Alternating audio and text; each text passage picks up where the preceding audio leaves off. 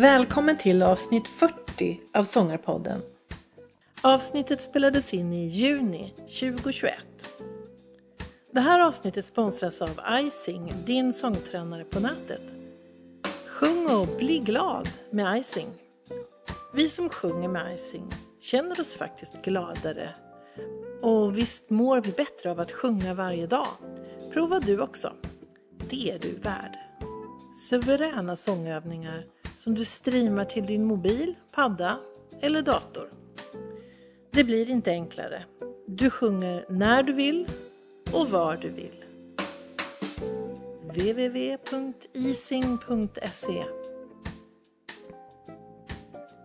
Hon kallas jazzsångerska av sitt skivbolag men visst är hon mer en bred musiker inom svängig R&B, gospel och jazz. Sveriges mesta soulröst.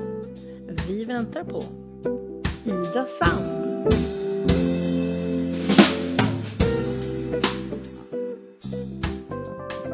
Välkommen till Sångarpodden. Tack så mycket. Ida Sand Ja, i Sångarpoddens soffa. ja. Sitter skönt här. Ja. Eh, vi skulle, om det hade varit igår så hade vi kunnat sitta ute i solen. Mm. Men så ville sig inte riktigt. Utan Nej. vi väntar på regnet här. Får se om det börjar på. Ja. Ser så ut Ja, faktiskt. vad roligt att du är här. Jag... Eh, du är ju verkligen, man ska säga sångare, men musiker. Ja, precis. Jag kallar mig själv för musiker i alla Mm. fall. Mm. Eh, och det är inte för att jag liksom spelar piano också, utan det är för att det ligger mig närmare, tror jag, att, att vara en del av bandet och inte vara den som Mm. sjunger bara. Eller jag, jag kan inte riktigt sätta ord på det, men det Nej. känns mer naturligt att säga musiker för mig, Mm. faktiskt.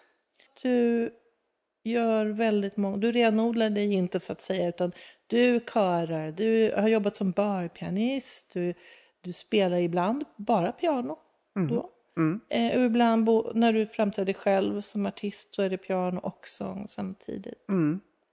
Ja, jag, har, jag konstaterade det att jag, för jag gjorde nämligen en CV för ett tag sedan för ett jobb jag faktiskt ska söka. Men då inser jag att gud vilken ja-sägare jag har varit. Jag har tackat ja till allting, Mm. måste jag ha gjort. För det är så spretigt det jag har gjort. Det är liksom allt från, ja men det är så teater och lite provat musikal och sen har jag undervisat och alltså jag, eh, och det är ju, det har ju varit ett sätt att försörja sig Mm.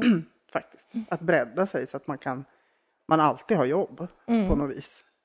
Faktiskt. Så det har inte varit en plan om att jag ska vara överallt. Utan det, är- det har varit för att jag behöver jobba och då tar jag allt. Då gör jag allt och provar i alla fall. Typ. Mm. Då har jag sett att du ibland använder ditt riktiga efternamn Sandlund Mm. och ibland är du Ida Sand. Mm. Är det någon strategi där när du ska använda det ena och det andra?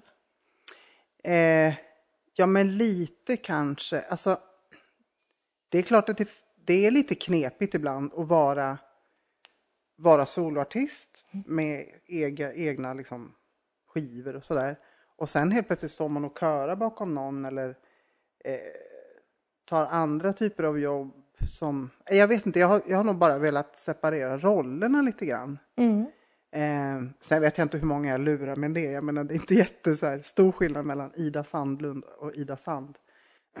och dessutom ska jag säga att det här med Sand, det är ju liksom ett påhitt från mitt skivbolag i Tyskland egentligen. De var sådär, nej men nu, de har ju ganska mycket svenska artister på det skivbolaget. ACT heter det. Eh, och då tyckte de att det blir kanske svårt att lansera ännu en svensk eller en nordisk artist. Så då ville de att jag skulle ha något namn som var lite mindre svenskt eller lite mindre skandinaviskt kanske. Men är inte, är inte det bra? Jo, det kanske, det tog tid att vänja sig för jag tyckte det kändes urfånigt faktiskt. Och bara få en sån. Men ehm, i början, men nu har jag vant mig. Och det är inte så dumt faktiskt. Mm. Det är ganska, det funkar ganska bra Mm. tycker jag. Jag tänker det finns fler artister som gör så att de har som också vill jobba med olika projekt och så att man har till och med ett alias, Ja. ett annat artistnamn när man gör andra typer av projekt än just det här som man försöker promota i någon, kanske en popartist inom en viss genre. Mm. Och det är det namnet ska vara förknippat med. Mm. Så det är väl inte så dumt. Nej men det är ju, och det är ju helt enkelt så att om någon vill lyssna på min musik, det är klart att om, jag, om de skriver in Ida Sandlund i Spotify sökfönster, då kommer jag väl upp antar jag. Men, men det kan ju också vara sådär, det blir kanske lättare att hitta till min musik om, om jag har ett namn Mm. Som representerar det och så ett namn för alla andra typer av jobb som jag gör. Mm. Så... Men jag tar aldrig illa upp om någon säger det ena eller det andra. Alltså det blir Mm. vilket som funkar Mm. bra, verkligen. Du har hållit på med musik vad jag förstår hela ditt liv och du växte upp i en musikalisk familj med din pappa till exempel som är operasångare. Mm. Mm. Precis. Mamma var ju också musiker. Eh, hon var kyrkomusiker, organist och körledare. Eh, som senare också blev mer pianopedagog på en folkhögskola. eh, hon gick bort för, eh, vad blir det, snart nio år sedan. Men eh, hela min släkt är musiker. Alltså det är så här, det är nästan komiskt. Alla är musiker. Framförallt på pappas sida, då är det mycket stråkmusiker och jag tror det är tre, fyra fagottister och det är liksom, det, det var oundvikligt faktiskt att få med sig musik hemifrån. Mm. Så ja, ja det, har, det har varit- liksom hela min barndom, hela mitt liv Mm. faktiskt. Så är det. Det är många som har det så, som är artister. Att, tror du att det ska man säga, om man tänker på det från andra hållet, är det svårt att ta sig in i branschen om man inte har, kommer ifrån en musikalisk familj? Kanske svårt att svara på. Mm. No, det, det kan det kanske vara. Eh, kanske inte liksom eh, svårare på, på ett vis. Men jag, jag bara kom direkt att tänka på en kompis jag har i Göteborg som jag gick med på musikhögskolan som sa att, men alltså, för han kom från en akademikerfamilj typ. Och bara det här att få sina föräldrar kanske att lita på att musik är någonting man kan jobba med och, och få stöttning i det där. Mm. Det hade han haft utmaningar med. Det var ju liksom, när ska du skaffa ett riktigt jobb fastän han var så här etablerad. Och sådana där, men det beror ju på vilka föräldrar man har, givetvis. Men, eh, men han, han tyckte, han bara, det är som att du bara gör. Så du har liksom inga, eh, ja men betänkligheter utan det är bara, jag gör det och så händer det något liksom. Men, men det kanske är någonting man behöver komma över. Samtidigt så tänker jag att den här basillen som åtminstone jag blev smittad av som barn. Eh, där man liksom inte kan låta bli att förkovra sig, att lyssna och spela och utvecklas och öva och sådär. Den kan ju vem som helst drabbas av. Och då har man den, då är det svårt att stoppa det. Liksom. Eh, det gäller väl egentligen alla sådana där där man måste vara lite driven, sådana liksom, idrottare eller inte vet jag, men liksom nö- nörden. Mm. Den kan komma i olika former men det är det viktigaste skulle jag säga. Jag tänker på min bror till exempel som absolut höll på med, håller på med musik också sådär. Han gick ganska långt liksom med, gick på folkhögskola och fortsatte lite sådär. Men sen bara, nej det är inte för mig typ. Så då kanske, men han kanske inte hade riktigt samma maniskhet som jag. Så att det är inte heller självklart att, att man blir biten av den där, den där basillen. Som ju du har blivit. Ja. Eh, det, Det, det, det finns vittnen till det. Nej, men det var ju liksom, det var ju det enda jag gjorde. Som barn kom hem och satte mig vid pianot och det var timmar liksom. Som bara flög förbi. Eh, ja. Och det, då var det nog inget att säga om det. Mina föräldrar bara, ja ja, nej, men det är bara att fortsätta. Och, och så, ja, jag ska söka så relativt, ja det är klart du ska göra det. Typ. Det var liksom aldrig något, det var självklart för alla Mm. tror jag. Det var som det var. Ja men det är ju spännande för att jag har ju varit med om det där som din kompis pratade om. Mm. När man har att nej, nej, och det tror jag vi är jättemånga. Att, som Mm. där föräldrarna säger nej men musiken kan du ha som hobby hela ditt liv. Ja, men du precis. måste ha, kunna försörja dig. Och så liksom puttades man in i Ja. mot någonting annat. Eh, det, med det sagt så är det ju inte dåligt att ha musik som hobby utan det är Nej. jättehärligt så man är inte ledsen för det. Men Mm. det, just det här att det inte uppfattas som ett riktigt jobb Mm. eh, är ju spännande. Ja, det är... Och faktum är att under den här liksom pandemin och så, då har ju det blivit smärtsamt tydligt. Mm. Hur liksom våran bransch faktiskt förminskas till någonting som blir lite så här... Så har vi upplevt, vi, jag kanske inte ska prata för alla, men, men många i min bransch har ju uppfattat det som att man är att man har varit eh, lite lätt och liksom alltså så här stänga ner. Alltså det, är inte, det är inte det viktiga. Det är inte det viktiga utan det viktiga är ja, men handel och kommers och så här. Sådana såna grejer har man ju fått känna lite. Eh, plus att det är bara hur det funkar med våra ersättningssystem. Att vi är utsatta som företagare och det finns liksom inget tänk om att ja, men det går att försörja sig på det här lite annorlunda sättet med egen firma och vad man nu har. Liksom. Och att man har känt sig lite marginaliserad i det där. Att man liksom inte fått samma... Nu ska inte jag säga något för vi, vi har fått hjälp eh, och stöd och sådär. Men, eh, men många har hamnat mellan stolar. Liksom. Man har inte kunnat, det har inte räckt med det de kan visa upp. Att bevisa att det här är något de försörjer sig på. Det ifrågasätts på något sätt. Och hela a-kassesystemet och att de liksom inte kan... Ja, det, då, då undrar man lite vad, hur bilden på kulturarbetare verkligen är. Liksom. Det skulle vara intressant att höra hur man har resonerat. I Mm. fall. För att det har ju, i början tyckte jag att nej men det var väl kanske inte så farligt men med tiden gick så blev det allt tydligare att på vissa ställen var det bra, gick det alldeles utmärkt att ha väldigt många personer på plats. Men Mm. när det gällde... Men samtidigt så tänker jag att det som har varit kul att se är ju att det här med streaming, streamade och livesändningar har ju eh, blommat upp. Mm. Det Det, tycker jag är jättekul.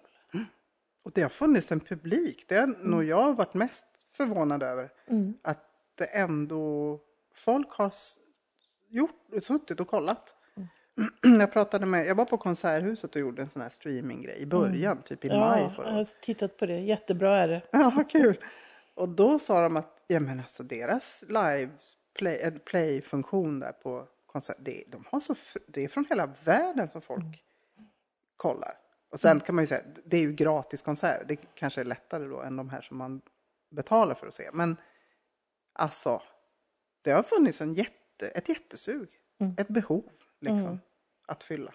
Ja, och på något vis så kanske det har fått mogna under den här tiden. För i början var ju, nu, Konserthuset har ju varit väldigt proffsigt gjort. De har ju resurser och så. Men från andra scener kanske det har varit eh, lite, eh, inte så professionellt eh, producerat. Men det har blivit bättre under året. Det har det verkligen. Eh, så, och då når man ju ut till en jättepublik som sagt. Jättekul att, att få ta del av. Mm. Och ni vänjer er vid tomma konserter. På något sätt har man gjort det. det Mm. Vi pratade om det, hur, undrar hur det kommer kännas med publik. Mm. Alltså några publikgig har man ju hunnit göra med kanske 50 pers och sådär. Mm. Men när det liksom sitter 500 i ett konserthus, undrar hur det kommer kännas. Mm. Det blir spännande att se. Mm. Ja, vi längtar ju. Jag Mm. längtar väldigt mycket. När du började spela eller sju- sjunga och spela när du var liten så var det mycket inom kyrkan? Mm. Var det Precis. frikyrkan eller var det... Ja, det, alltså min mamma jobbade ju i den här kyrkan som jag gick med i, eller som jag var med i. och det är en EFS-församling. Eh, men den är en del av Svenska kyrkan. Så att, som en fri rörelse inom Svenska kyrkan, kan man säga. Och nu vet jag inte riktigt, jag är inte kyrklig längre, men nu tror jag att de är, nu heter de något annat, EFS. Men eh, mamma ledde ju körer där och vi bodde 10 meter från kyrkan. Vi bodde i en tjänstebostad. Så att man var liksom över, ja, jag, det var, jag spenderade all ledig tid liksom i kyrkans verksamhet. Och fick väldigt tidigt bara så här, ja men kompa barnkören och leda barnkören och hoppa in där och sjunga solo där och kan du dirigera och vi behöver en alt. Mamma var så här, imorgon saknas det alta på gudstjänsten i kyrkokören, du får hoppa in. Och det, var, det var ju det som var min plattform. Mm. Så, och inte bara jag, det, vi är ju väldigt många musiker som har den bakgrunden. Ja. Nej men eh, det, det är ju helt fantastiskt vilken plantskola.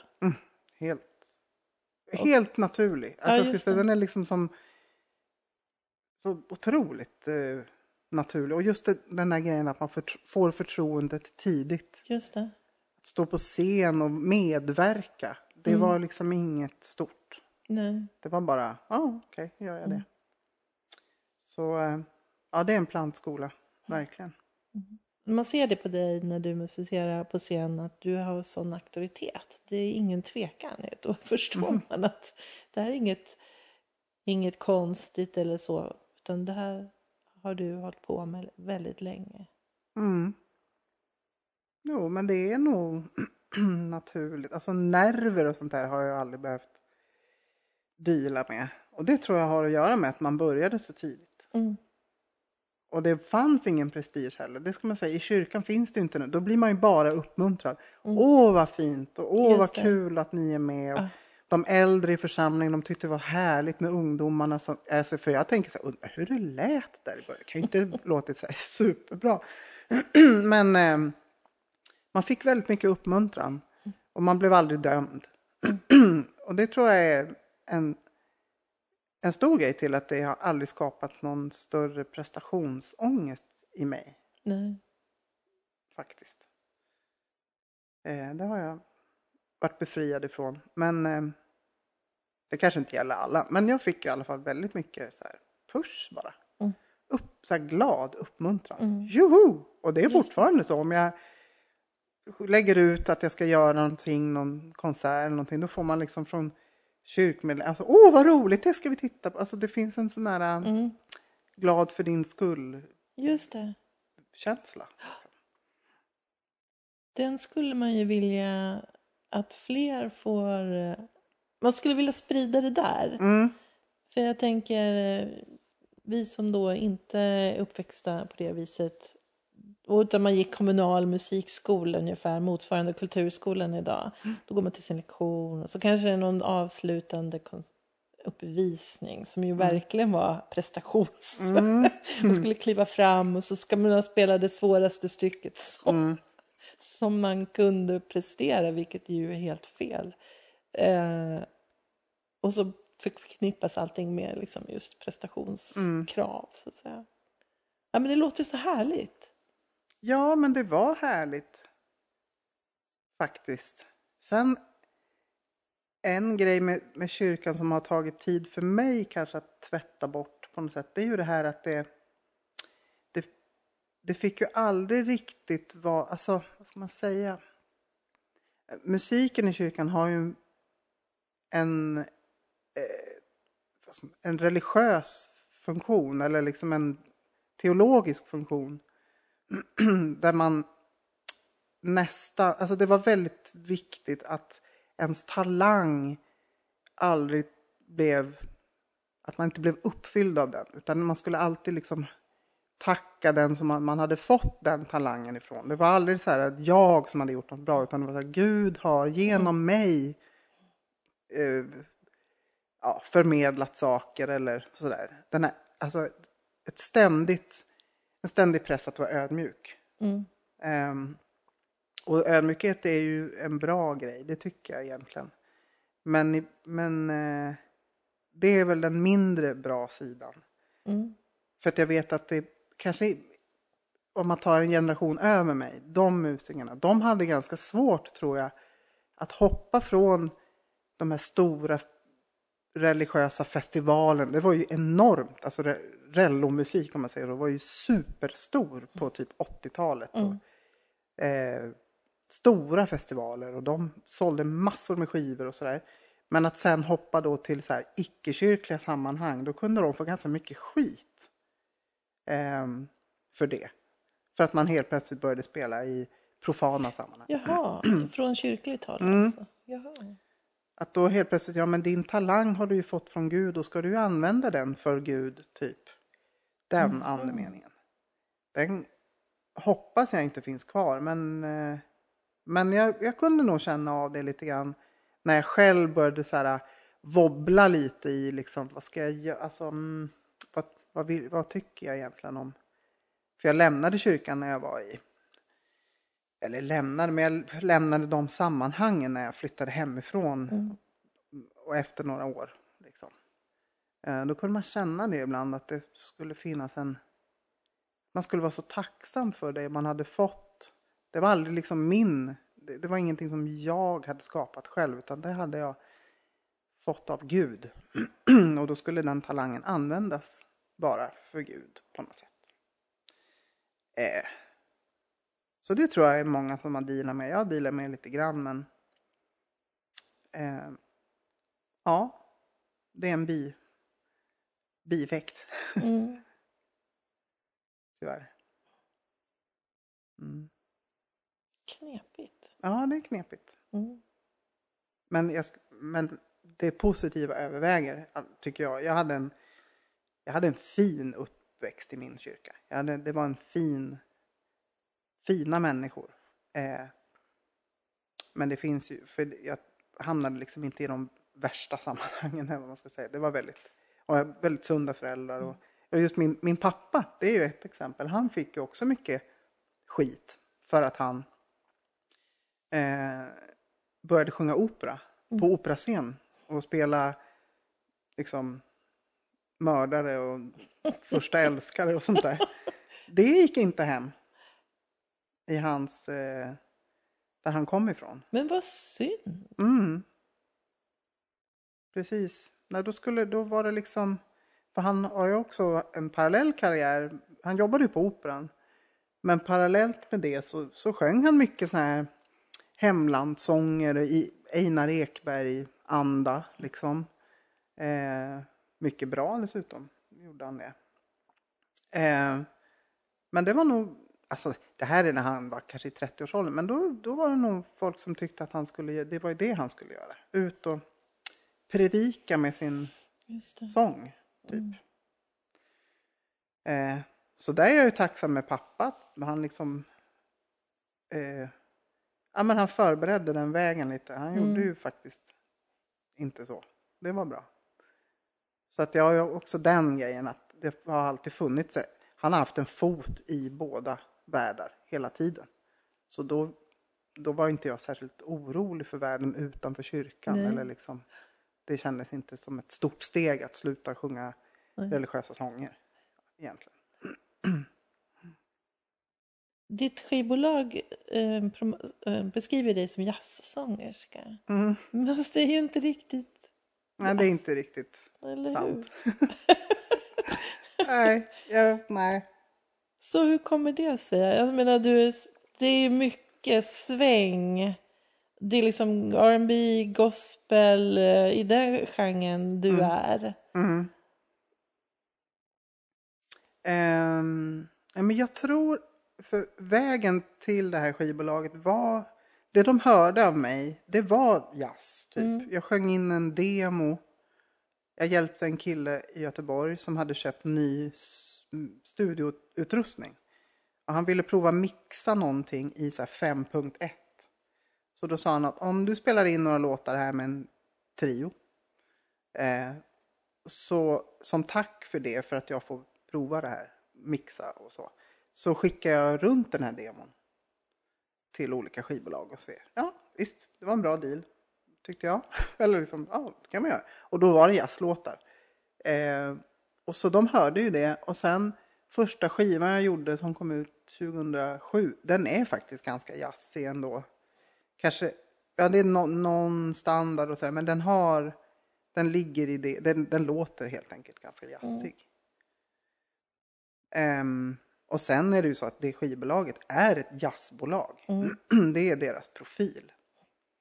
Men eh, jag är ändå tacksam över att de har någonstans insett att det, kan, det kanske inte är den, det är kanske inte den musiken jag ska göra. Eh, det, blir, det gör andra så mycket bättre. Så eh, ja, det hänger kvar. Men å andra sidan är ju jazz ett ganska brett begrepp. Mm. Liksom. Det, jag tror att det är många som är de är lite så hybrider av olika genrer men man kan, ja men typ en sån som Bonnie Raitt eller någonting, hon är ju som en bluessångerska men hon spelar ju på jazzfestivaler. Mm. Alltså det, det, det är många band som hamnar i det. När det inte är kommersiellt så är det jazz typ. så det är väl det kanske då. För det är inte, det är inte kommersiellt det jag håller på med i den bemärkelsen att det liksom finns en medial eh, plats för min musik. Inte så mycket, men lite. Men jag hamnar liksom i den där jazz. Mm. Men det kan också vara svårt att vara, jag märker ju liksom att eh, jag blir kanske inte recenserad på så här jazz, alltså det ehm, eh, jazzsidor på, i tidningar och så, då är det ju andra som är mer utpräglade jazzmusiker mm. som som hamnar där. Mm. Och så så att det blir någon slags halvmesyr av allting. Men äh, det blir lite, jag får alltid rätta folk. Ja, du är jazzsångerska. Ja, ja, jag skulle inte riktigt kalla mig det. Men det är klart jag har sjungit jazz. Det har jag mm. gjort. Och det finns ju där någonstans kanske mm. lite sådär. Men ja, lite missvisande är det mm. kanske. Vilka har varit viktiga för dig för att komma till den stil som du håller på med? Eh, ja, det är ju också ganska så brett på något sätt. Jag har ju, eh, min husgud är ju Aretha Franklin. Och hon, när hon sjunger jazz, så jag älskar det. det för hon har ju gjort en del, när det finns någon jazzplatta, liksom en jazzstandard. Jag tycker det är fantastiskt. Så typ hon, ehm, Donny Hathaway, Nina Simone. Men även liksom, alltså Joni Mitchell. Jättemycket lyssnat. Eh, mm, jag älskar Rad Katonev. Och det kan man nog inte höra kanske i min röst, jag vet inte. Men, men typ, alltså det är väldigt brett. Ella Fitzgerald, herregud. Mm. Um, Prince. Så alltså den röda tråden är väl någon slags R&B, soul, liksom afroamerikansk musik. Det, det är det väl. Eh, men jag har lyssnat brett liksom. Ändå. Jag är allätare. Mm. Någon gång var det du hörde någon, en låt och så sa det klick sådär. Mm. Kanske. Kanske. Precis. Men det har ju också, alltså när jag höll på i kyrkan, det kom en sån här stor gospelvåg på mm. 90-talet. Mm. Det var stor gospelfestival i Stockholm varje sommar och det var massor med körer överallt och det liksom importerades gospel. Och det kom över mycket amerikaner hit som eh, hade workshops och grejer och mm. jag drogs med i det där. Eh, så gospeln kom ju in och den har liksom aldrig gått ur mig. Mm. Alltså det är någon, det ligger där och skvalpar i det mesta, tror jag. Så det var, det var ju så det började med, med den här ja, sväng gospelgrejen. Mm. Per-Erik Hallin. Han är ju svensk Just. men liksom... Gud, jag såg en jätterolig video med dig och honom. Ja, Eller rolig, men det var, ni var så härliga och så bytte ni plats. Mm. Eh, ska vi se vad det var för, jag skrev faktiskt, vad det var för låt? kanske du vet? Den heter Den heter I just can't give up now, tror jag. Just det. Ja, vi repade, alltså han ringde typ på eftermiddagen. Han, de var ute på turné med någonting som hette, vad hette det då? The Royal Years eller något sånt där. Mhm. Med Andrew Crouch och Mhm. ja, stor grej. Och så skulle de spela i Philadelphia. Så, kan inte du komma och göra en duett med mig? "Eh, Ja, kan jag. Vilken då? Och så tog han någon, den där låten som förslag. Och jag bara, ja, jag, hade lys- jag hade hört den. Men så repade vi den precis innan och vi, när man ser det på filmen, vi, väl, vi kan inte text. jag så stirrar, båda sjunger Fast du fel. kan ju texter, det är han som inte kan den. När han skulle stå upp, Ja, men det är då han står och lutar sig över. Ja, så är det ja. Precis. Mm. Ja, den var väldigt ny för oss båda, men då kom, kom vi på det. Men det kanske är kul att byta piano.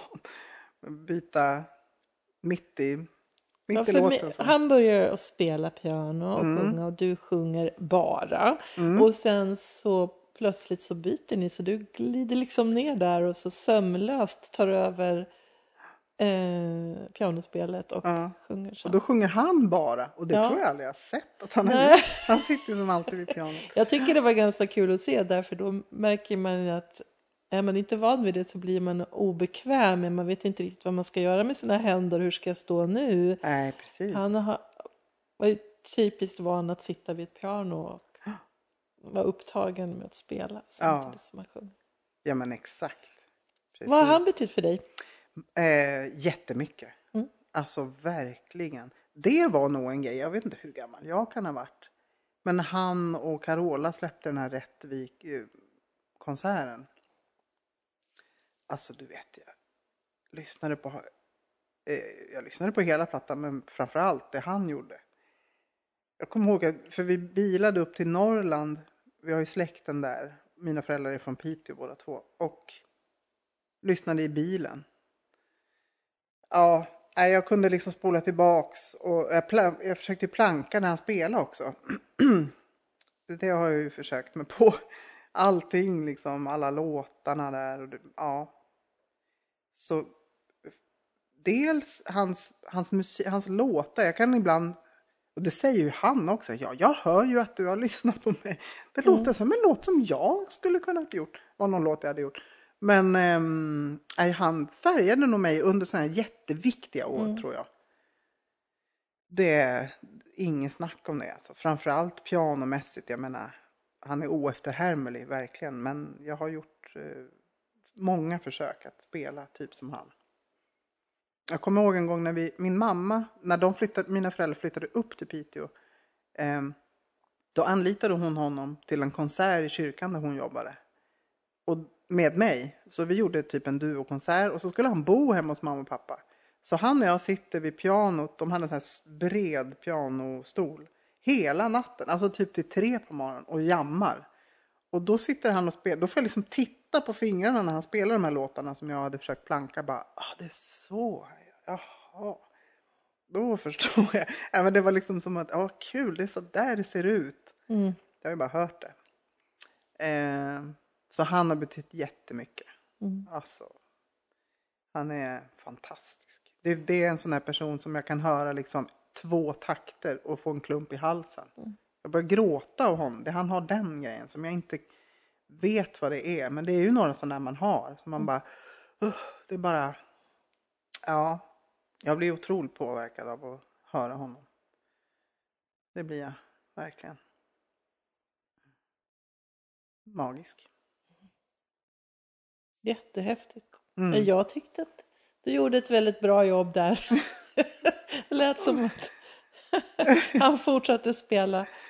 Så, Ja, men det, det, var, det var kul att bjuda på. Det var otroligt populärt. Alltså, det var Mm. så många som tyckte det var så roligt att vi gjorde så. så det var kul att bjuda på det. mm. Mm. Mm. Du är ju gift med en musiker. Vi Mm. pratade ju lite om det innan vi började spela in. Hur Mm. det är. Att vara gift med en musiker? Ja men precis. Det repeteras konstant. Ja, ja absolut. Ehm, det är väldigt, eh, vad ska man säga, vi har ju två barn som är 13 och eh, snart 14 och 11. Så på ett sätt är det jättesmidigt att vi båda är i samma bransch. För det finns en enorm förståelse. Det är Mm. liksom, jag drar två veckor på turné och Ola fattar precis Mm. vad som händer. Och, var, alltså, och nästa gång är det min tur att vara hemma och sådär. Den grejen är så, det förenklar saker. Alltså vi, vi har um, väldigt bra förståelse för det här med att man ibland gör saker som man kanske som är bra betalt och som är ja, kul men liksom kanske inte ger den här eh, utmaningen eller vad man nu längtar efter. Men att ibland måste man få göra grejer där det är typ dåligt betalt, man är borta flera dagar, men det är ett hjärteprojekt. sådär. Och sådana grejer är ju otroligt bra att vi kan, att vi kan dela liksom.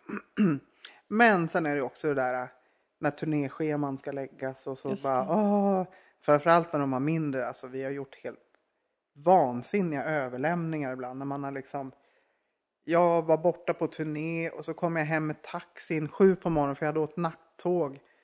När jag kommer in med en taxi hem utanför våran port, då står hans taxi och väntar för då ska han till Umeå. Alltså det är Mm. sådana där grejer. Så det var ju slitigt när de var små framförallt. Nu är det lite lättare för att de ja, kan vara hemma själva om vi spelar en Mm. kväll i stan. Det är ju inga problem. Eller att de kan sova hos kompisar om det skulle vara så. Men, eh, och sen också att man är lite samma skrot och korn. Mm. Och det, det tycker ju jag är skönt att känna.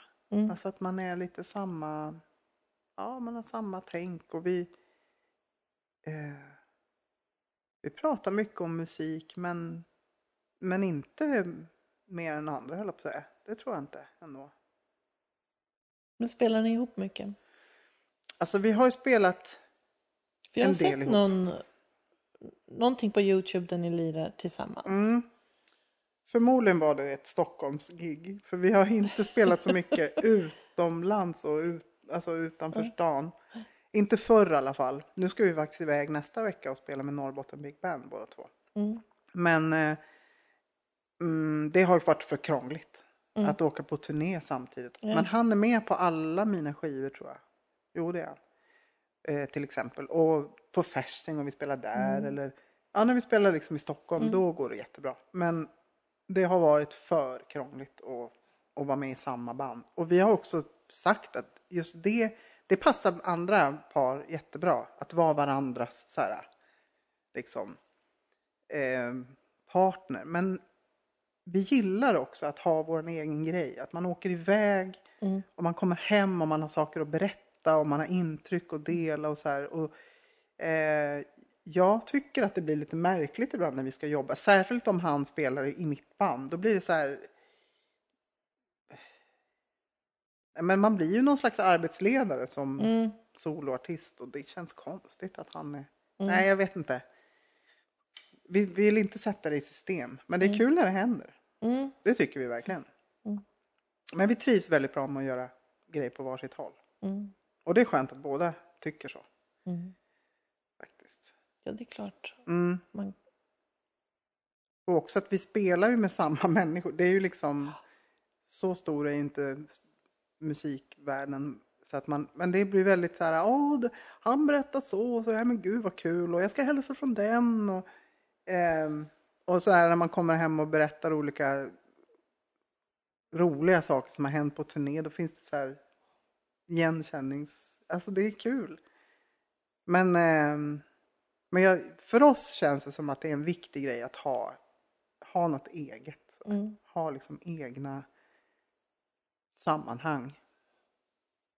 Eh, så vi spelar ibland, men, men inte jämt. Nu måste jag bara fråga, hur är det nu med din, era barn? Mm. De också, blir de också nu musiker? så, så att det fortsätter eller? Eh, Ja, alltså våran äldsta tjej som har gått ut, hon går ur sjuan nu. Hon går på Kulturama. Och hon, alltså jag har nästan haft dåligt samvete över att vi spelar så lite musik hemma. Mhm. Att jag bara, nej men gud. Jag, då, för mina föräldrar spelade och sjöng med mig. Alltså de Mm. tog med mig i liksom, kom vi Men spela en låt. spelar här." du inte hemma? Nej, inte Mhm. så mycket. Det gör jag faktiskt inte. Jag lyssnar inte heller så mycket på musik. Jag lyssnar på P1 och jag liksom ägnar mig åt annat. Ola spelar mer. Han sitter mer och liksom spelar. Men jag blir lite så, jag måste vara hemma själv för att spela. Mm. Jag blir... Eh, ja, inte, jag blir så spänd när det sitter folk och... Nej, jag kan inte slappna av och sitta och spela hemma själv. Eller när folk är hemma. Men så då har jag haft dåligt samvete över det. Att jag liksom inte har bjudit in dem och ändå så här visat att det är kul. Men det är, det är ju ändå så att vår äldsta tjej, ja, men hon spelar och det är gitarr och det är piano. Och mamma kan du lära mig den här låten och vad heter det här ackordet? Alltså hon har verkligen fastnat. Utan någon påtryckning skulle jag vilja säga. Överhuvudtaget. Så det är ju lustigt. Mm. Den yngsta tjejen hon är ganska så här, gillar att sjunga. Hon lyssnar mycket på musik men hon har inte något större sug av att lära sig spela något instrument än. Mm. Men det kan ju komma. Mm. Men, eh, men den äldsta tjejen absolut. Hon bara, jag ska gå på musikgymnasium och jag ska sjunga och jag... Hon är helt... Kan inte jag få följa med på turné? När ni, hon, ni har så roliga kompisar för de spelar hela tiden. Ja, hon, hon tycker att det är... Hon har blivit fast. Och det är ju jättekul. Mm. Det måste jag säga. Hon är duktig. Det är jätteroligt Mm. faktiskt. Nisse Landgren. Ja, Ja, Nisse. Nisse.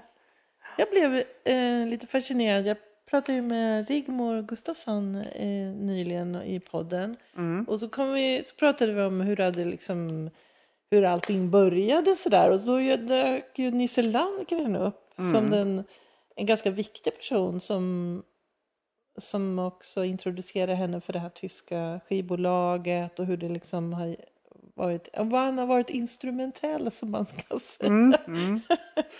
Och så när jag tittade på Alltså Nisse verkar ju vara en spindel i nätet för väldigt många personer. Även för Absolut. dig kanske. Absolut, i allra högsta grad. Mm. Verkligen. Ja, alltså.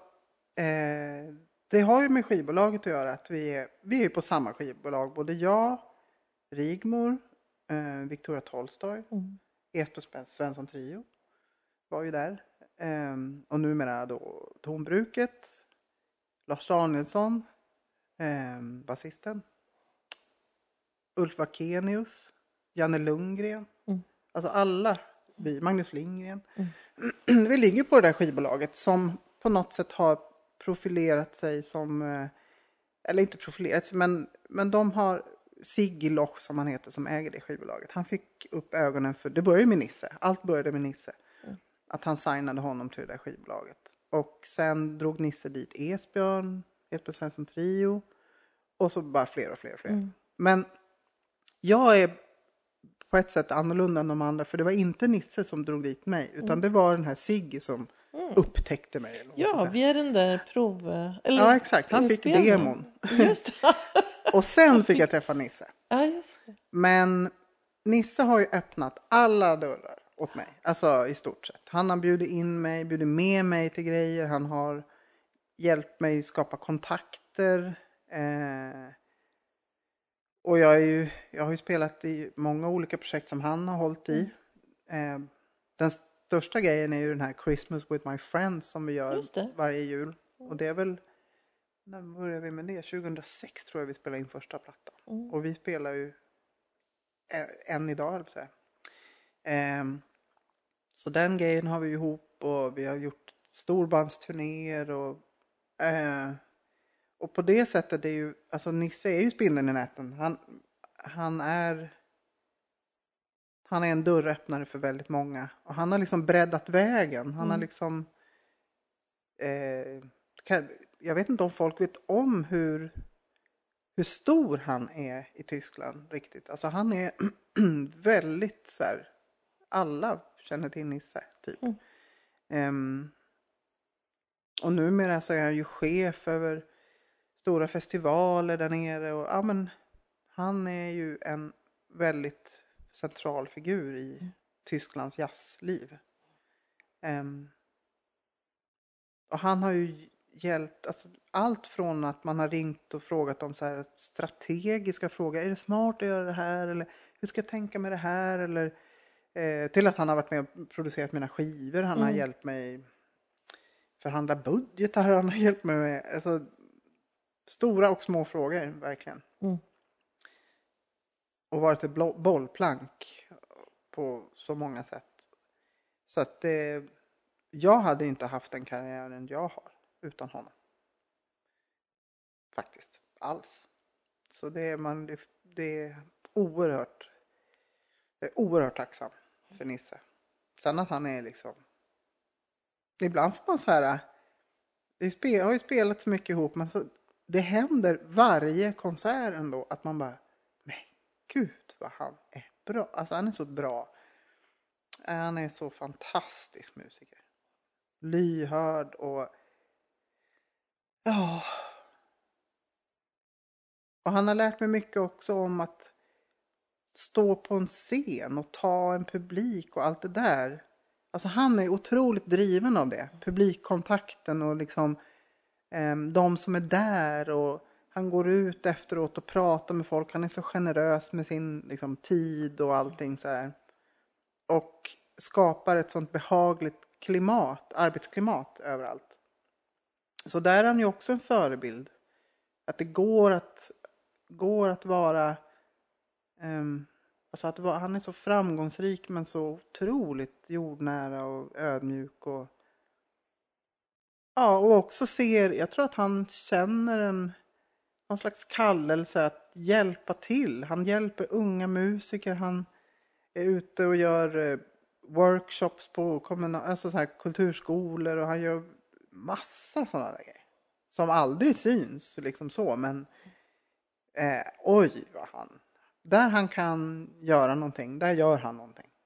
Han, är en, han har en arbetskapacitet som är helt makalös. Alltså jag hade inte pallat en månad i hans tempo tror jag faktiskt.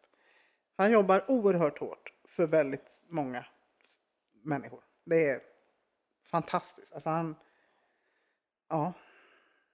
Det finns bara superlativ för honom faktiskt.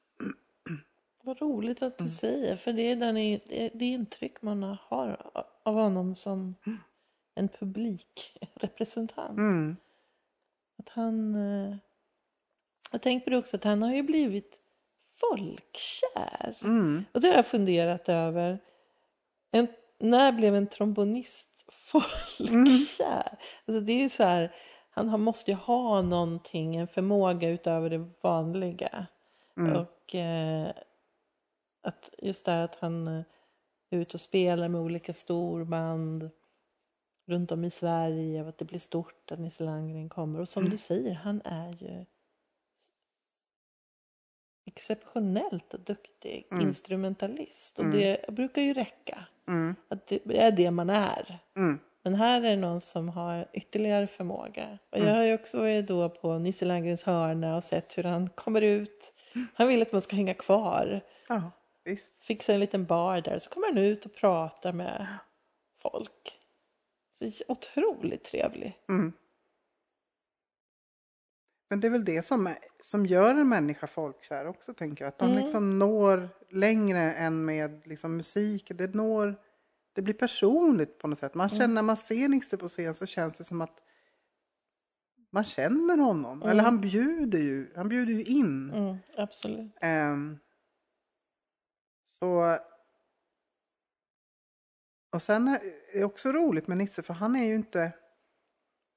Alltså han, han är ju vad man kan kalla jazzmusiker kanske. Fast ändå inte. Alltså han började med Björn Skifs och han har gjort revyer. Det finns helt fantastiska eh, klipp där han liksom sjunger i så här, läderbrallor och så här. Alltså han reformerade ju också synen på han fick ju ta enormt mycket skit för det. Eh, av den äldre jazz björnstammen höll jag på att säga. Men ja, nej, då var det helt plötsligt. Och att han var med på ABBA, det låg han ju lågt med. Det var ju ingenting man kunde skryta med. Nu är det skitstort liksom. Men sådana där grejer. Och han har också ja, men reformerat saker. Hur vi ser på. Han är helt prestigelös i ehm, bara, bara det är bra musik. Bara det är bra. Liksom. Ja. Det är fantastiskt. Han är liksom vad heter det? Pre- opretentiös. Mm. Fast ändå så sjukt bra. Han gör ju nyskrivna kons- trombonkonserter med Christian Lindberg och så svåra. Alltså, han gör ju det också. Och så gör han det här riv, jam, alltså mer lekfulla. Alltså, Så han har hel, hela den paletten, vilket är ganska unikt tror jag. så ja, han eh, har varit viktig för många. Mm. Verkligen. Vad kul. Mm. Kul att ha sådana människor runt omkring sig och sen att man fortsätter att spela tillsammans. Så, Mm. ja, jätte, jättehärligt. Och för oss också som publik. Mm. Precis. Du har gett ut sex album. Mm.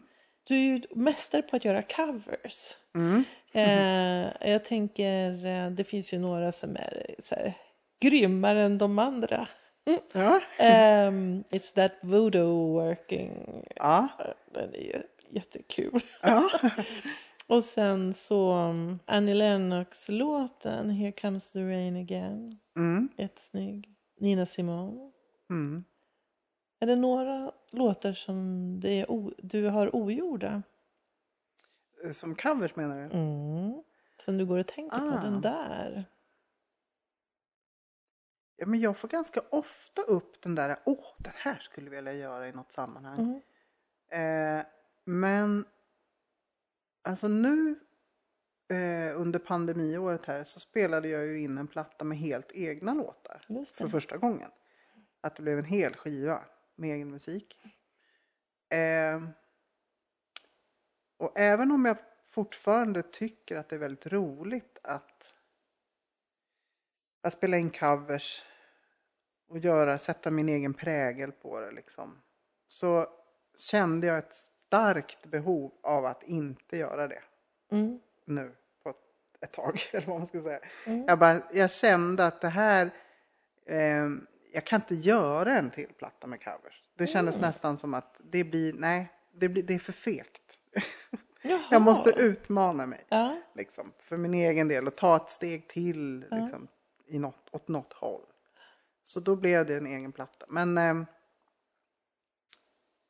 jag tycker, alltså det som är svårt med covers när man ska välja dem, det är att man inte får välja sina favoritlåtar. Man får inte välja de här, jag, jag, jag kan inte välja att sjunga liksom both sides now eller sånt där. Det, det får vara en låt som man tycker om, eh, men man får inte ha för stor respekt för originalversionen för då blir man ehm, Nej, man måste kunna våga göra om lite grann och liksom stöka om lite, byta ut något ackord och kanske lägga till någon del eller byta dur till moll eller så här. Och det går inte med de här favoritlåtarna. Det är väldigt tydligt tycker jag. Jag gjorde ju en platta som heter Young at Heart där jag bara tolkar Neil Young musik. Eh, ett sånt projekt skulle jag gärna göra igen någon gång. Och anledningen till att det blev Neil Young det var dels att det var så ett förslag. Eh, Vi hade några olika förslag. Vi pratade om Paul Simon och vi pratade om ja, lite alla möjliga. Men Carole King tror jag var uppe också. Men så blev jag ja, med Neil Young och så gick jag hem och lyssnade. Mitt skivbolag hade den, eh, det förslaget. Och så kände jag att jag, eh, att jag kunde göra någonting av det. Det fanns liksom handlingsutrymme. Att det var tillräckligt långt ifrån min eg- mitt eget uttryck kanske. Så att jag skulle kunna göra det till mitt uttryck. Eller något där. Och det var otroligt lustfyllt att göra det projektet. Vad sa du? Det var otroligt... Lustfyllt. Ah. Så att jag, snarare skulle jag nog hellre lägga, vilja göra något sånt här där det blir ett helt projekt men med en helt röd tråd. Att man kanske gör, nu bara hittar jag på, men liksom New Orleans musik eller någonting. För jag tänker när jag har valt covers till andra plattor då har det ju varit allt från så här Eurythmics och Nina Simone på samma platta. Men det är klart man kan kanske hitta en röd tråd i det också men men att det skulle vara, det skulle vara väldigt kul. Eh, att göra någon liknande grej. Liksom, Att verkligen skapa ett...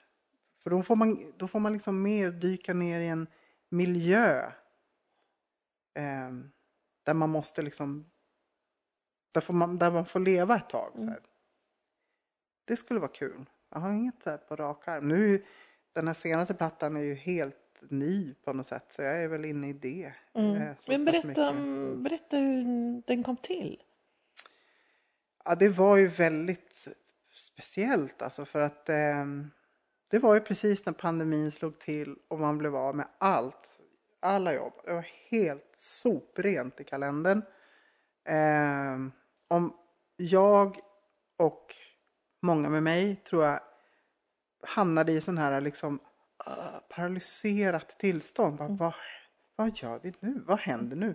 Och de, dessutom så var ju som hela samhället stängt. Även om det aldrig liksom riktigt stängde ner så var det dött på gatorna. Helt tomt. Man var liksom sådär. Alla var bara hemma. Eh,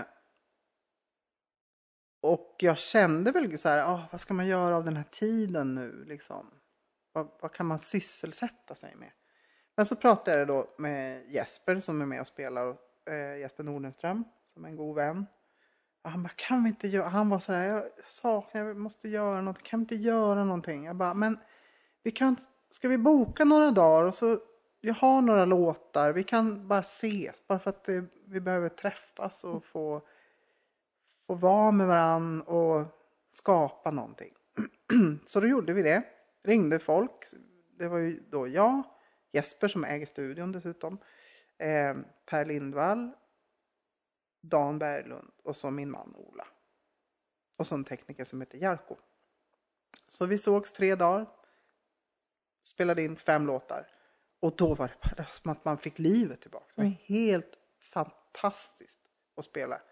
Och dessutom var det ju också för att det fanns jag bara, jag hade, jag hade ingen planer på någon skiva och mitt skivkontrakt hade egentligen gått ut med Act. Så jag var också lite så här, jag hade inte pratat med dem om att göra något nytt heller.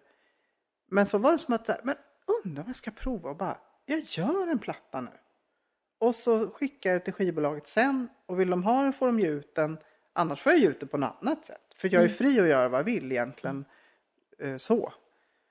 För det var som att jag bara, nu ska jag utnyttja det här. Att vi, ingen tidspress, inget skivbolag som står och tycker eller vill någonting eller har deadline eller någonting. Det var, fanns inga krav. Eh, och så ska jag ju säga också att eh, jag menar, jag hade ju inte råd egentligen att spela in en platta. Det var inte så att jag kunde så här, finansiera det just då. Men det var bara att ingen ville ha betalt. Vi löser det sen. Jag bara, jag ska fixa pengar. Jag, jag, jag får sälja masterdealen till något skivbolag förhoppningsvis. Äh, du vet, jag vill bara kasta oss in i det. Ja, blir det pengar så blir det pengar, annars blir det inga. Och det är lugnt liksom. Så sa alla, annars hade jag aldrig gått med på det. Men då jo, spelade vi in det och sen så när det var gjort så bara skickade jag runt det och la på lite pålägg, lite kör, lite blås. Och så bara, ja men nu är den ju här. Ja, jag måste ju mixa den också. Och så ringde jag Paul Svenre och han kastade sig på det där. Också på samma premisser. Nej, men vi ser, blir det pengar så blir det pengar. Alltså det var helt otrolig generositet liksom. Och sen så skickade jag till skivbolaget när allt var klart. Så här, här är en platta som jag skulle vilja ge ut. Och de tyckte det var jättebra. Tur nog. Så då, då kom den ut. Och då gick allt jättefort. De fick mastern och sen bara, vi släpper den redan i april. Och så var det liksom, två månader senare så skulle allt vara fixat med omslag och ja men allting. så det gick fort. Men nu kan man ju känna liksom, för det är ju, ingen vet ju hur en skiva går. Alltså det är ingen som har varit i den här situationen. Vanligtvis så har man ju, man släpper en skiva, sen gör man en turné och så är man ute och giggar och man gör promotion och så här. Och jag var ju också lite så här, det kan ju hända att det här bara drunknar i liksom, det finns ingen, inget medialt utrymme eller så här. Så, och ingen vet hur det blir men vi har, inte, vi har ju kunnat göra ett gig. med det här än så länge. Vi har ju framöver men vi gjorde ett gig på Fasching, en sån här streamingkonsert. Um, så det ska bli väldigt kul att få komma ut och spela de här låtarna och ge dem liv. Liksom. Så det var så det blev. Och jag kan säga nu med liksom det här året och så, jag har ju haft lite jobb. Eh, ändå. Inte så att det har varit proppfullt men, men att, att sy ihop den här grejen och driva den i hamn. Det är för mig en så här eh, jag är väldigt stolt över mig själv. För annars har jag varit en sån här person som behöver, jag behöver en deadline för att det ska bli något. Eller jag behöver en, någon som trycker på lite grann. Jag kan vara lite seg så. Så det är en arbetsseger lite grann. Mm. och har gjort det. Och jag är alltså stolt över att det var så här, jag, jag har producerat den. Jag har liksom, eller producerat, musiken är ju allra högsta grad delaktiga till sound och sådär. Men alltså att jag har producerat den i den meningen att jag har liksom eh, ja, men bokat tekniker och lyssnat på, alltså ja, håll, jag har hållit i projektet mm. själv. Så jag själv, det var en självständighetsövning också lite grann. Att göra det så här helt utan skivbolag och så. Men nu, nu har jag ju min skivkontrakt ändå. Alltså det, det var ju härligt. Jag är ju gärna kvar där så. Men det var väldigt fint att få vara självständig. Det var det. Kommer det fler? Eh, det gör det säkert. Det gör det säkert. Men Gav jag... det mer smak är väl egentligen frågan. Låter ju som ja. att det var ganska härligt. Ja, mm. alltså jag kan säga att det det gav mer smak på. Det, det är ju att skriva musik jag bara, men tänk att få skriva, göra det här med någon annan. Att producera en annan artist, att liksom skriva låtar till någon och vara mm. med, alltså så. Och, och, prägla någon annans musik. Det skulle mm. vara jättekul. Och det kommer absolut komma mer från mig, det är jag säker på. Men jag är nog inte så, en del sprutar ur sig en platta mm. om året. Liksom. Sån är inte jag. Utan nu måste det här få få flyga lite grann mm. först och sådär. Mm. Sen kan jag nog börja, när jag blir lite less på det här, mm. de låtarna. För det mm. blir man ju när man har spelat dem ett par år, bara samma låtar på alla gig typ. Så känner man, äh, nu behövs det nytt material här. Mm. Nytt. För någonstans läste jag att du inte tycker att du är en låtskrivare. Nej. Det var någonstans det stod. Jag är ja. inte en låtskrivare. Nu har du ju obviously skrivit ja, en massa låtar här. Men ja. eh, tänker du att... Eh, en annan grej är ju att anlita låtskrivare. Skulle mm. du kunna tänka dig att alltså be någon skriva åt dig? Ja, men absolut. Det skulle jag kunna göra. Det är ganska eh. kul. Nu är det ju det här att du skulle kunna producera någon annan. Mm. Så nu, det känns som att det här projektet öppnade alla möjliga, möjliga alltså ja. möjligheter. Ja. ja, men det är absolut så. Ja. Eh, det gjorde det. Och, eh, och jag tror att det, är, det blir ju lite som eh, vad heter det, man ömsar skinn sådär ibland var tionde år. Eller liksom att man, jag tror väldigt mycket på det på processer framåt. Att liksom inte... Jag, jag gillar förändring på något vis ändå. Jag gillar utveckling, ska jag säga. I alla fall. Um, och den sidan är jag glad för. Att jag är öppensinnad. Liksom. Så det kan nog bli lite... Det kan nog bli vad som helst sen. Jag vet inte. Jag, det finns ju mycket så här man liksom kan drömma. Bara, tänk att få göra en platta med bara stråk och piano. Typ. Alltså man kan liksom, oh, eller kanske bara en gitarr och sångplatta. Alltså man kan hitta så mycket som, mm. som låter bra i huvudet och så sen måste ju det kokas ner till någon bra fond där det blir någon bra grej. Men det finns mycket sådana drömprojekt som man är inne och nosar på ibland. Så undrar vad det och det vore kul och det. Eller kanske samarbeta med, göra en platta med någon annan artist, någon duo-grej. Eller, så här, det, det, det ska bara vara... Jag, menar, jag litar ganska mycket på att det bara öppnar sig. Dörr, alltså, är man lite öppen så helt plötsligt så får man ju fånga de där ögonblicken när det liksom, ja men nu kanske det är rätt att göra det här. Och, och sådär. Så, ehm, det kan bli vad som helst. Så känns det nu. Mm. Det kan bli vad som helst nästa mm. gång. Det behöver inte bli så här som det blev nu. Jag är glad att jag gjorde det på det här sättet. Och den här plattan är också ganska eh, vad säga, den är ganska arrangerad på något sätt. Den är liksom lite, kanske lite mindre ja, men vi la lite tid på arrangemangen. Mm. För att vi hade tid, typ. Vi hade ingen stress. Så då hann man liksom testa mycket olika grejer. Så att den är liksom ganska välklädd. Mm. Upplever jag i alla fall. Um, och då har vi gjort det. Så får vi se vad nästa grej blir. Men det, jag är ute efter att hela tiden utvecklas. Mm. Det kan bli vad som helst. Mm, vad kul. Jag tänker så här, det här med tid. Att hålla på med en platta. Jag tittade på den här Queen-filmen. Mm. Och då åker de iväg någonstans på landet och är. Mm. och har just så här tid att få experimentera och ta fram ett sound. Och de skriver låtarna samtidigt som de spelar in dem. Och, mm. eh, det är inte så dumt med tid. Nej, alltså det är en utopi nu. Mm. Det är ju bara de allra största artisterna som kan göra så. Men förr var ju det vanligare och det, var ju, det, är, det är något speciellt med det där. Att man liksom inte har... Nu spelade vi in i Stockholm men det är, jag har också spelat in på landet utanför Göteborg en platta. Att man liksom inte, ingen behöver hämta på dagis, mm. ingen ska till tandläkaren klockan fem så vi måste bryta. Alltså det, att man bara är i den miljön. Det är, jag har varit med på några sådana inspelningar. Det är väldigt härligt. Mm. Men eh, det är få förunnat att få liksom verkligen all tid i världen. Mm. Så.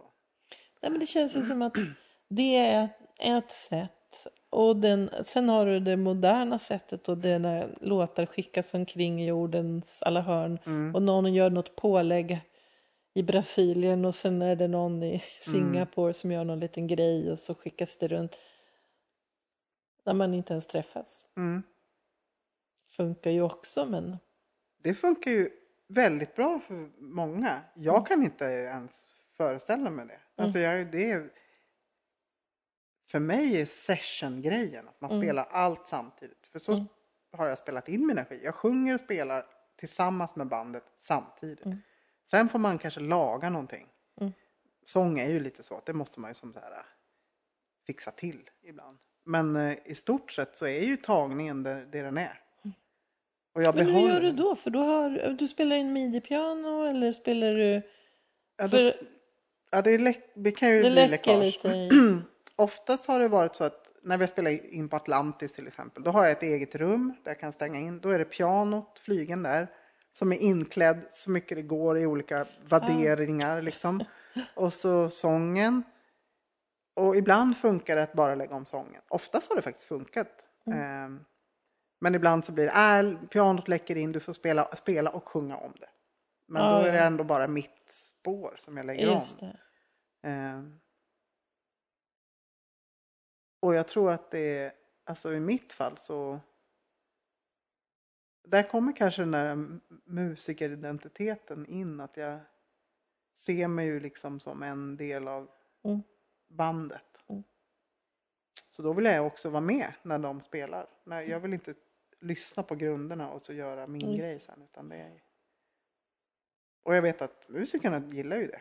Alltså att det blir så, åh det är så lyxigt att få sången samtidigt. För de får ju oftast bara spela låten och sen så kommer Just. sången sen. Mm. Man kanske får en slasksång, att sångerskan mm. eller sångaren står och bara sjung, nynnar med för att få låten. Men, men jag går alltid ut med att så här, nu ska vi sätta låten. Mm. Nu sätter vi tagningen. Och det, då får man ju köpa att det blir lite snedåkningar ibland eller något. Mm. Men det... Just det vibben känns viktigare, mm. tycker jag. Mm.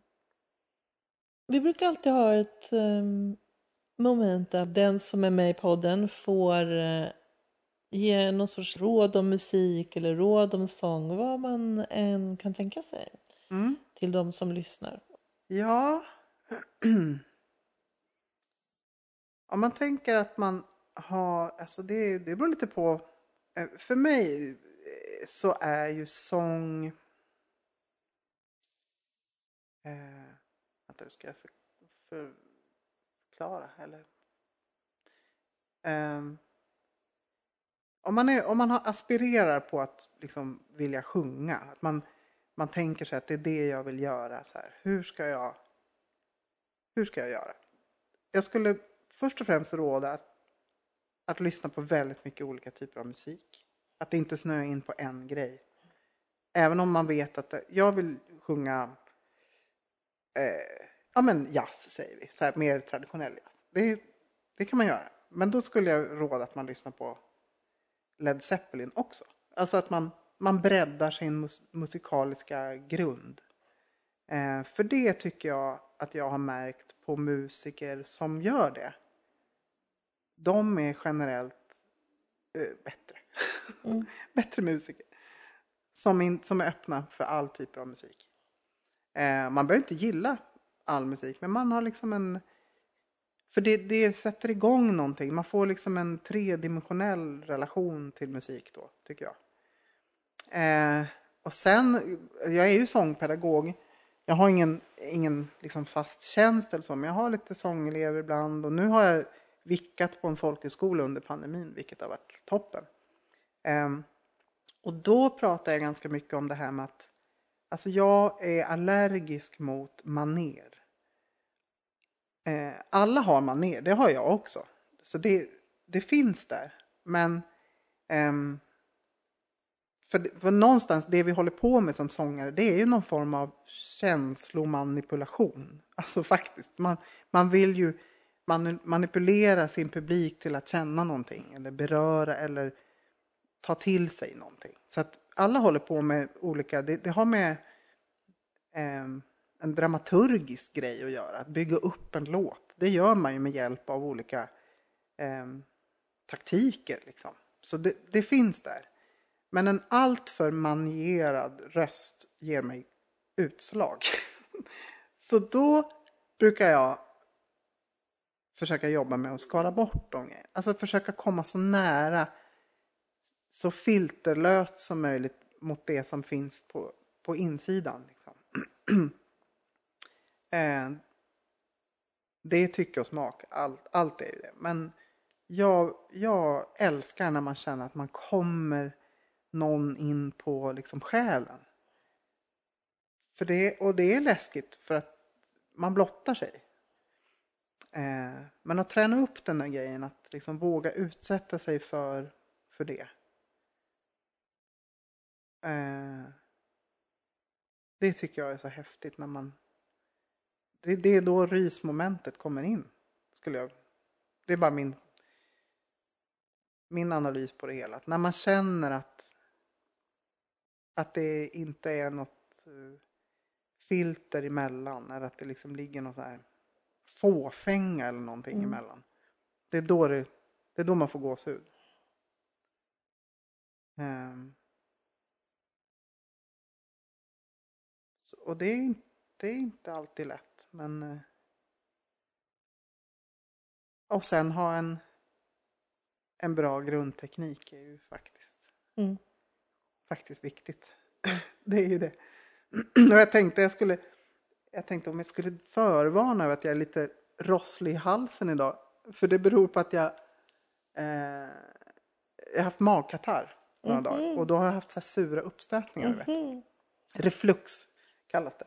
Det har jag haft problem med jättemycket förut. Men nu är det bättre för att jag tar hand om mig bättre tror jag. Men jag åt några så här jättestarka eh, läkemedel mot, jag hade ont i ryggen. Så då åt jag så här starkt för att få sova ordentligt. Och då blev magen ba- balla ur. Så då fick jag så här sura uppstöt och då låter jag så här liksom nu. Det är så här torrt och rossligt i halsen på grund av.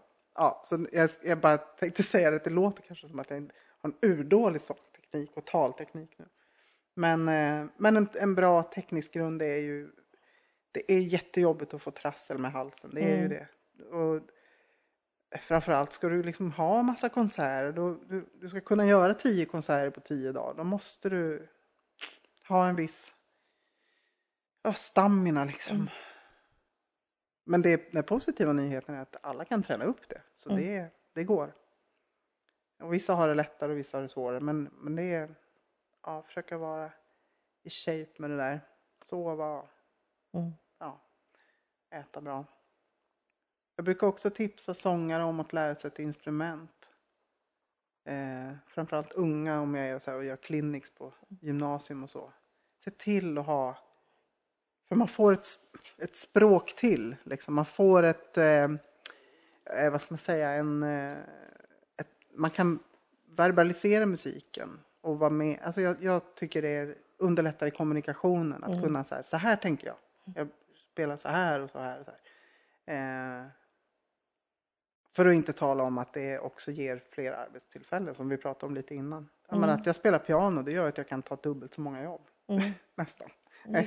Sen finns det ju Sen finns det ju andra som är mycket bättre än mig på piano. Jag, är, jag har aldrig sett mig som pianist, verkligen, verkligen inte. Men, ehm, eh, men det har gett mig arbetstillfällen. Mm. Och så bara, ja just det, vi behöver någon som körar. Åh perfekt, hon spelar piano också, då tar vi henne. Alltså sådana där grejer. Mm.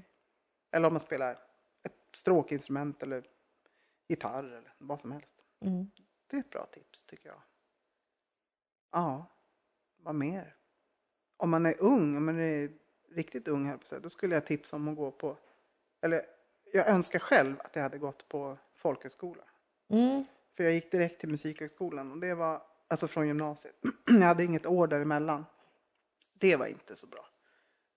På ett sätt. Det var jättekul och jag hamnade eh, rätt med massa kompisar och så. Men jag hade behövt ett sånt där år där det liksom inte var något krav eller liksom bara spela och sjunga hela tiden. Och, ja. Det, och nu när jag vickade på folkhögskola så blev jag så här avundsjuk. Jag bara, åh, tänk att vara 19 igen Just och ha det här Ja. roliga. Sen har de ju fått lida lite av pandemin givetvis. Blev inte riktigt som de hade tänkt sig tror jag. Men Mm. mycket så här distans och Zoom-undervisning och så. Men, men ändå. Mm. Åh vad kul att gå folkhögskola. Det finns så många bra också. Så Mm. att det är liksom... Du har en konsert nu som appen nästa vecka va? Ja precis. Nästa vecka ska jag upp till, till Piteå och spela med Norrbotten Big Band. Mm. Eh, och min man ska vara med som någon slags eh, featuring står det. Ehm, så det har jag. Och sen ska jag slutet på juni ska jag ner till Tyskland på en jazzfestival som heter Jazz Baltica. Som jag skulle ha gjort förra året men som blir i år då. Mm. Så att eh, det börjar liksom fyllas på. Hösten är helt proppfull. Vad kul! So far. Eller liksom det beror ju, allt beror ju på Mm. hur det går. Men eh, håller alla tummar. Det skulle vara otroligt skönt att få börja jobba på riktigt liksom. Och känna Mm. att man ja, får tillbaks sitt liv på något sätt. Även om jag tycker faktiskt att det här året har, det har gått bra. Det har funkat hyfsat. Eh, och det har inte bara varit dåligt heller ska jag säga. Det är vissa grejer som man har, man har fått, eh, till exempel det här med identiteten som musiker och ja, sångare och sådär. Innan tror jag att jag var mycket mer förknippad, alltså jag förknippade mig själv med den identiteten. Men när man inte har den delen då så mycket, vem är man då? Mm. Det vet jag många som har fått deala med lite grann. Att här, vem blir jag utan musiken då? Eh, och jag är ändå glad över att jag, hade det varit för 20 år sedan hade jag nog haft panik. För då vet jag Mm. inte vad jag hade varit utan. det. Men nu har man ju liksom med barn och sådär så blir det ändå att man har, en, man har en funktion på andra plan i livet också. Ehm, eller andra, man har intressen eller sådär. Men ja, det har varit också lite nyttigt att få back, alltså få en paus från saker och så bara tänka sig, men vad, vilka sammanhang längtar jag efter och vilka sammanhang längtar jag inte efter? För det är också en möjlighet nu att kanske börja styra lite mer om man har den lyxen, men att ja, vissa grejer, äh, de, de ska jag nog försöka tacka nej till. Eller liksom att man känner att det där tar mer energi än vad det ger. Och... Så att jag hoppas att jag kan ta med mig det lite grann. Mm. Så jag vet lite mer på vilken grund jag vill stå. Mm. efter det här året. Det tror jag. Och sen har jag också, det har också varit bra för att jag, jag har en, eh, jag fick en diagnos för, ja, förra sommaren som heter Meniers sjukdom. Som ju är en yrselsjukdom typ. Och den är så stressutlöst. Jag, fick, jag har fått sådana anfall när det har varit väldigt mycket. Då får man så här karusellyrsel och hörselproblem och ja, jättebökigt. Och så fick jag ett sådant anfall och så fick jag äntligen den här diagnosen som också är en viktig så här, livsstils... eh, Det, jag måste tänka på tempot, hålla balans, sömn, kost, träning och vara eh, noga med det. Så att det var också bra att få så här räta upp den där grejen och liksom hitta balansen och så förhoppningsvis hålla, hålla det. Mm. Och inte vara sån där äh, springa på alla bollar Nej. framöver. Så ja, det, det finns bra grejer med det här året också. Mm. Ida, Ja, tack så mycket. tack för att jag fick vara med. Det var jättekul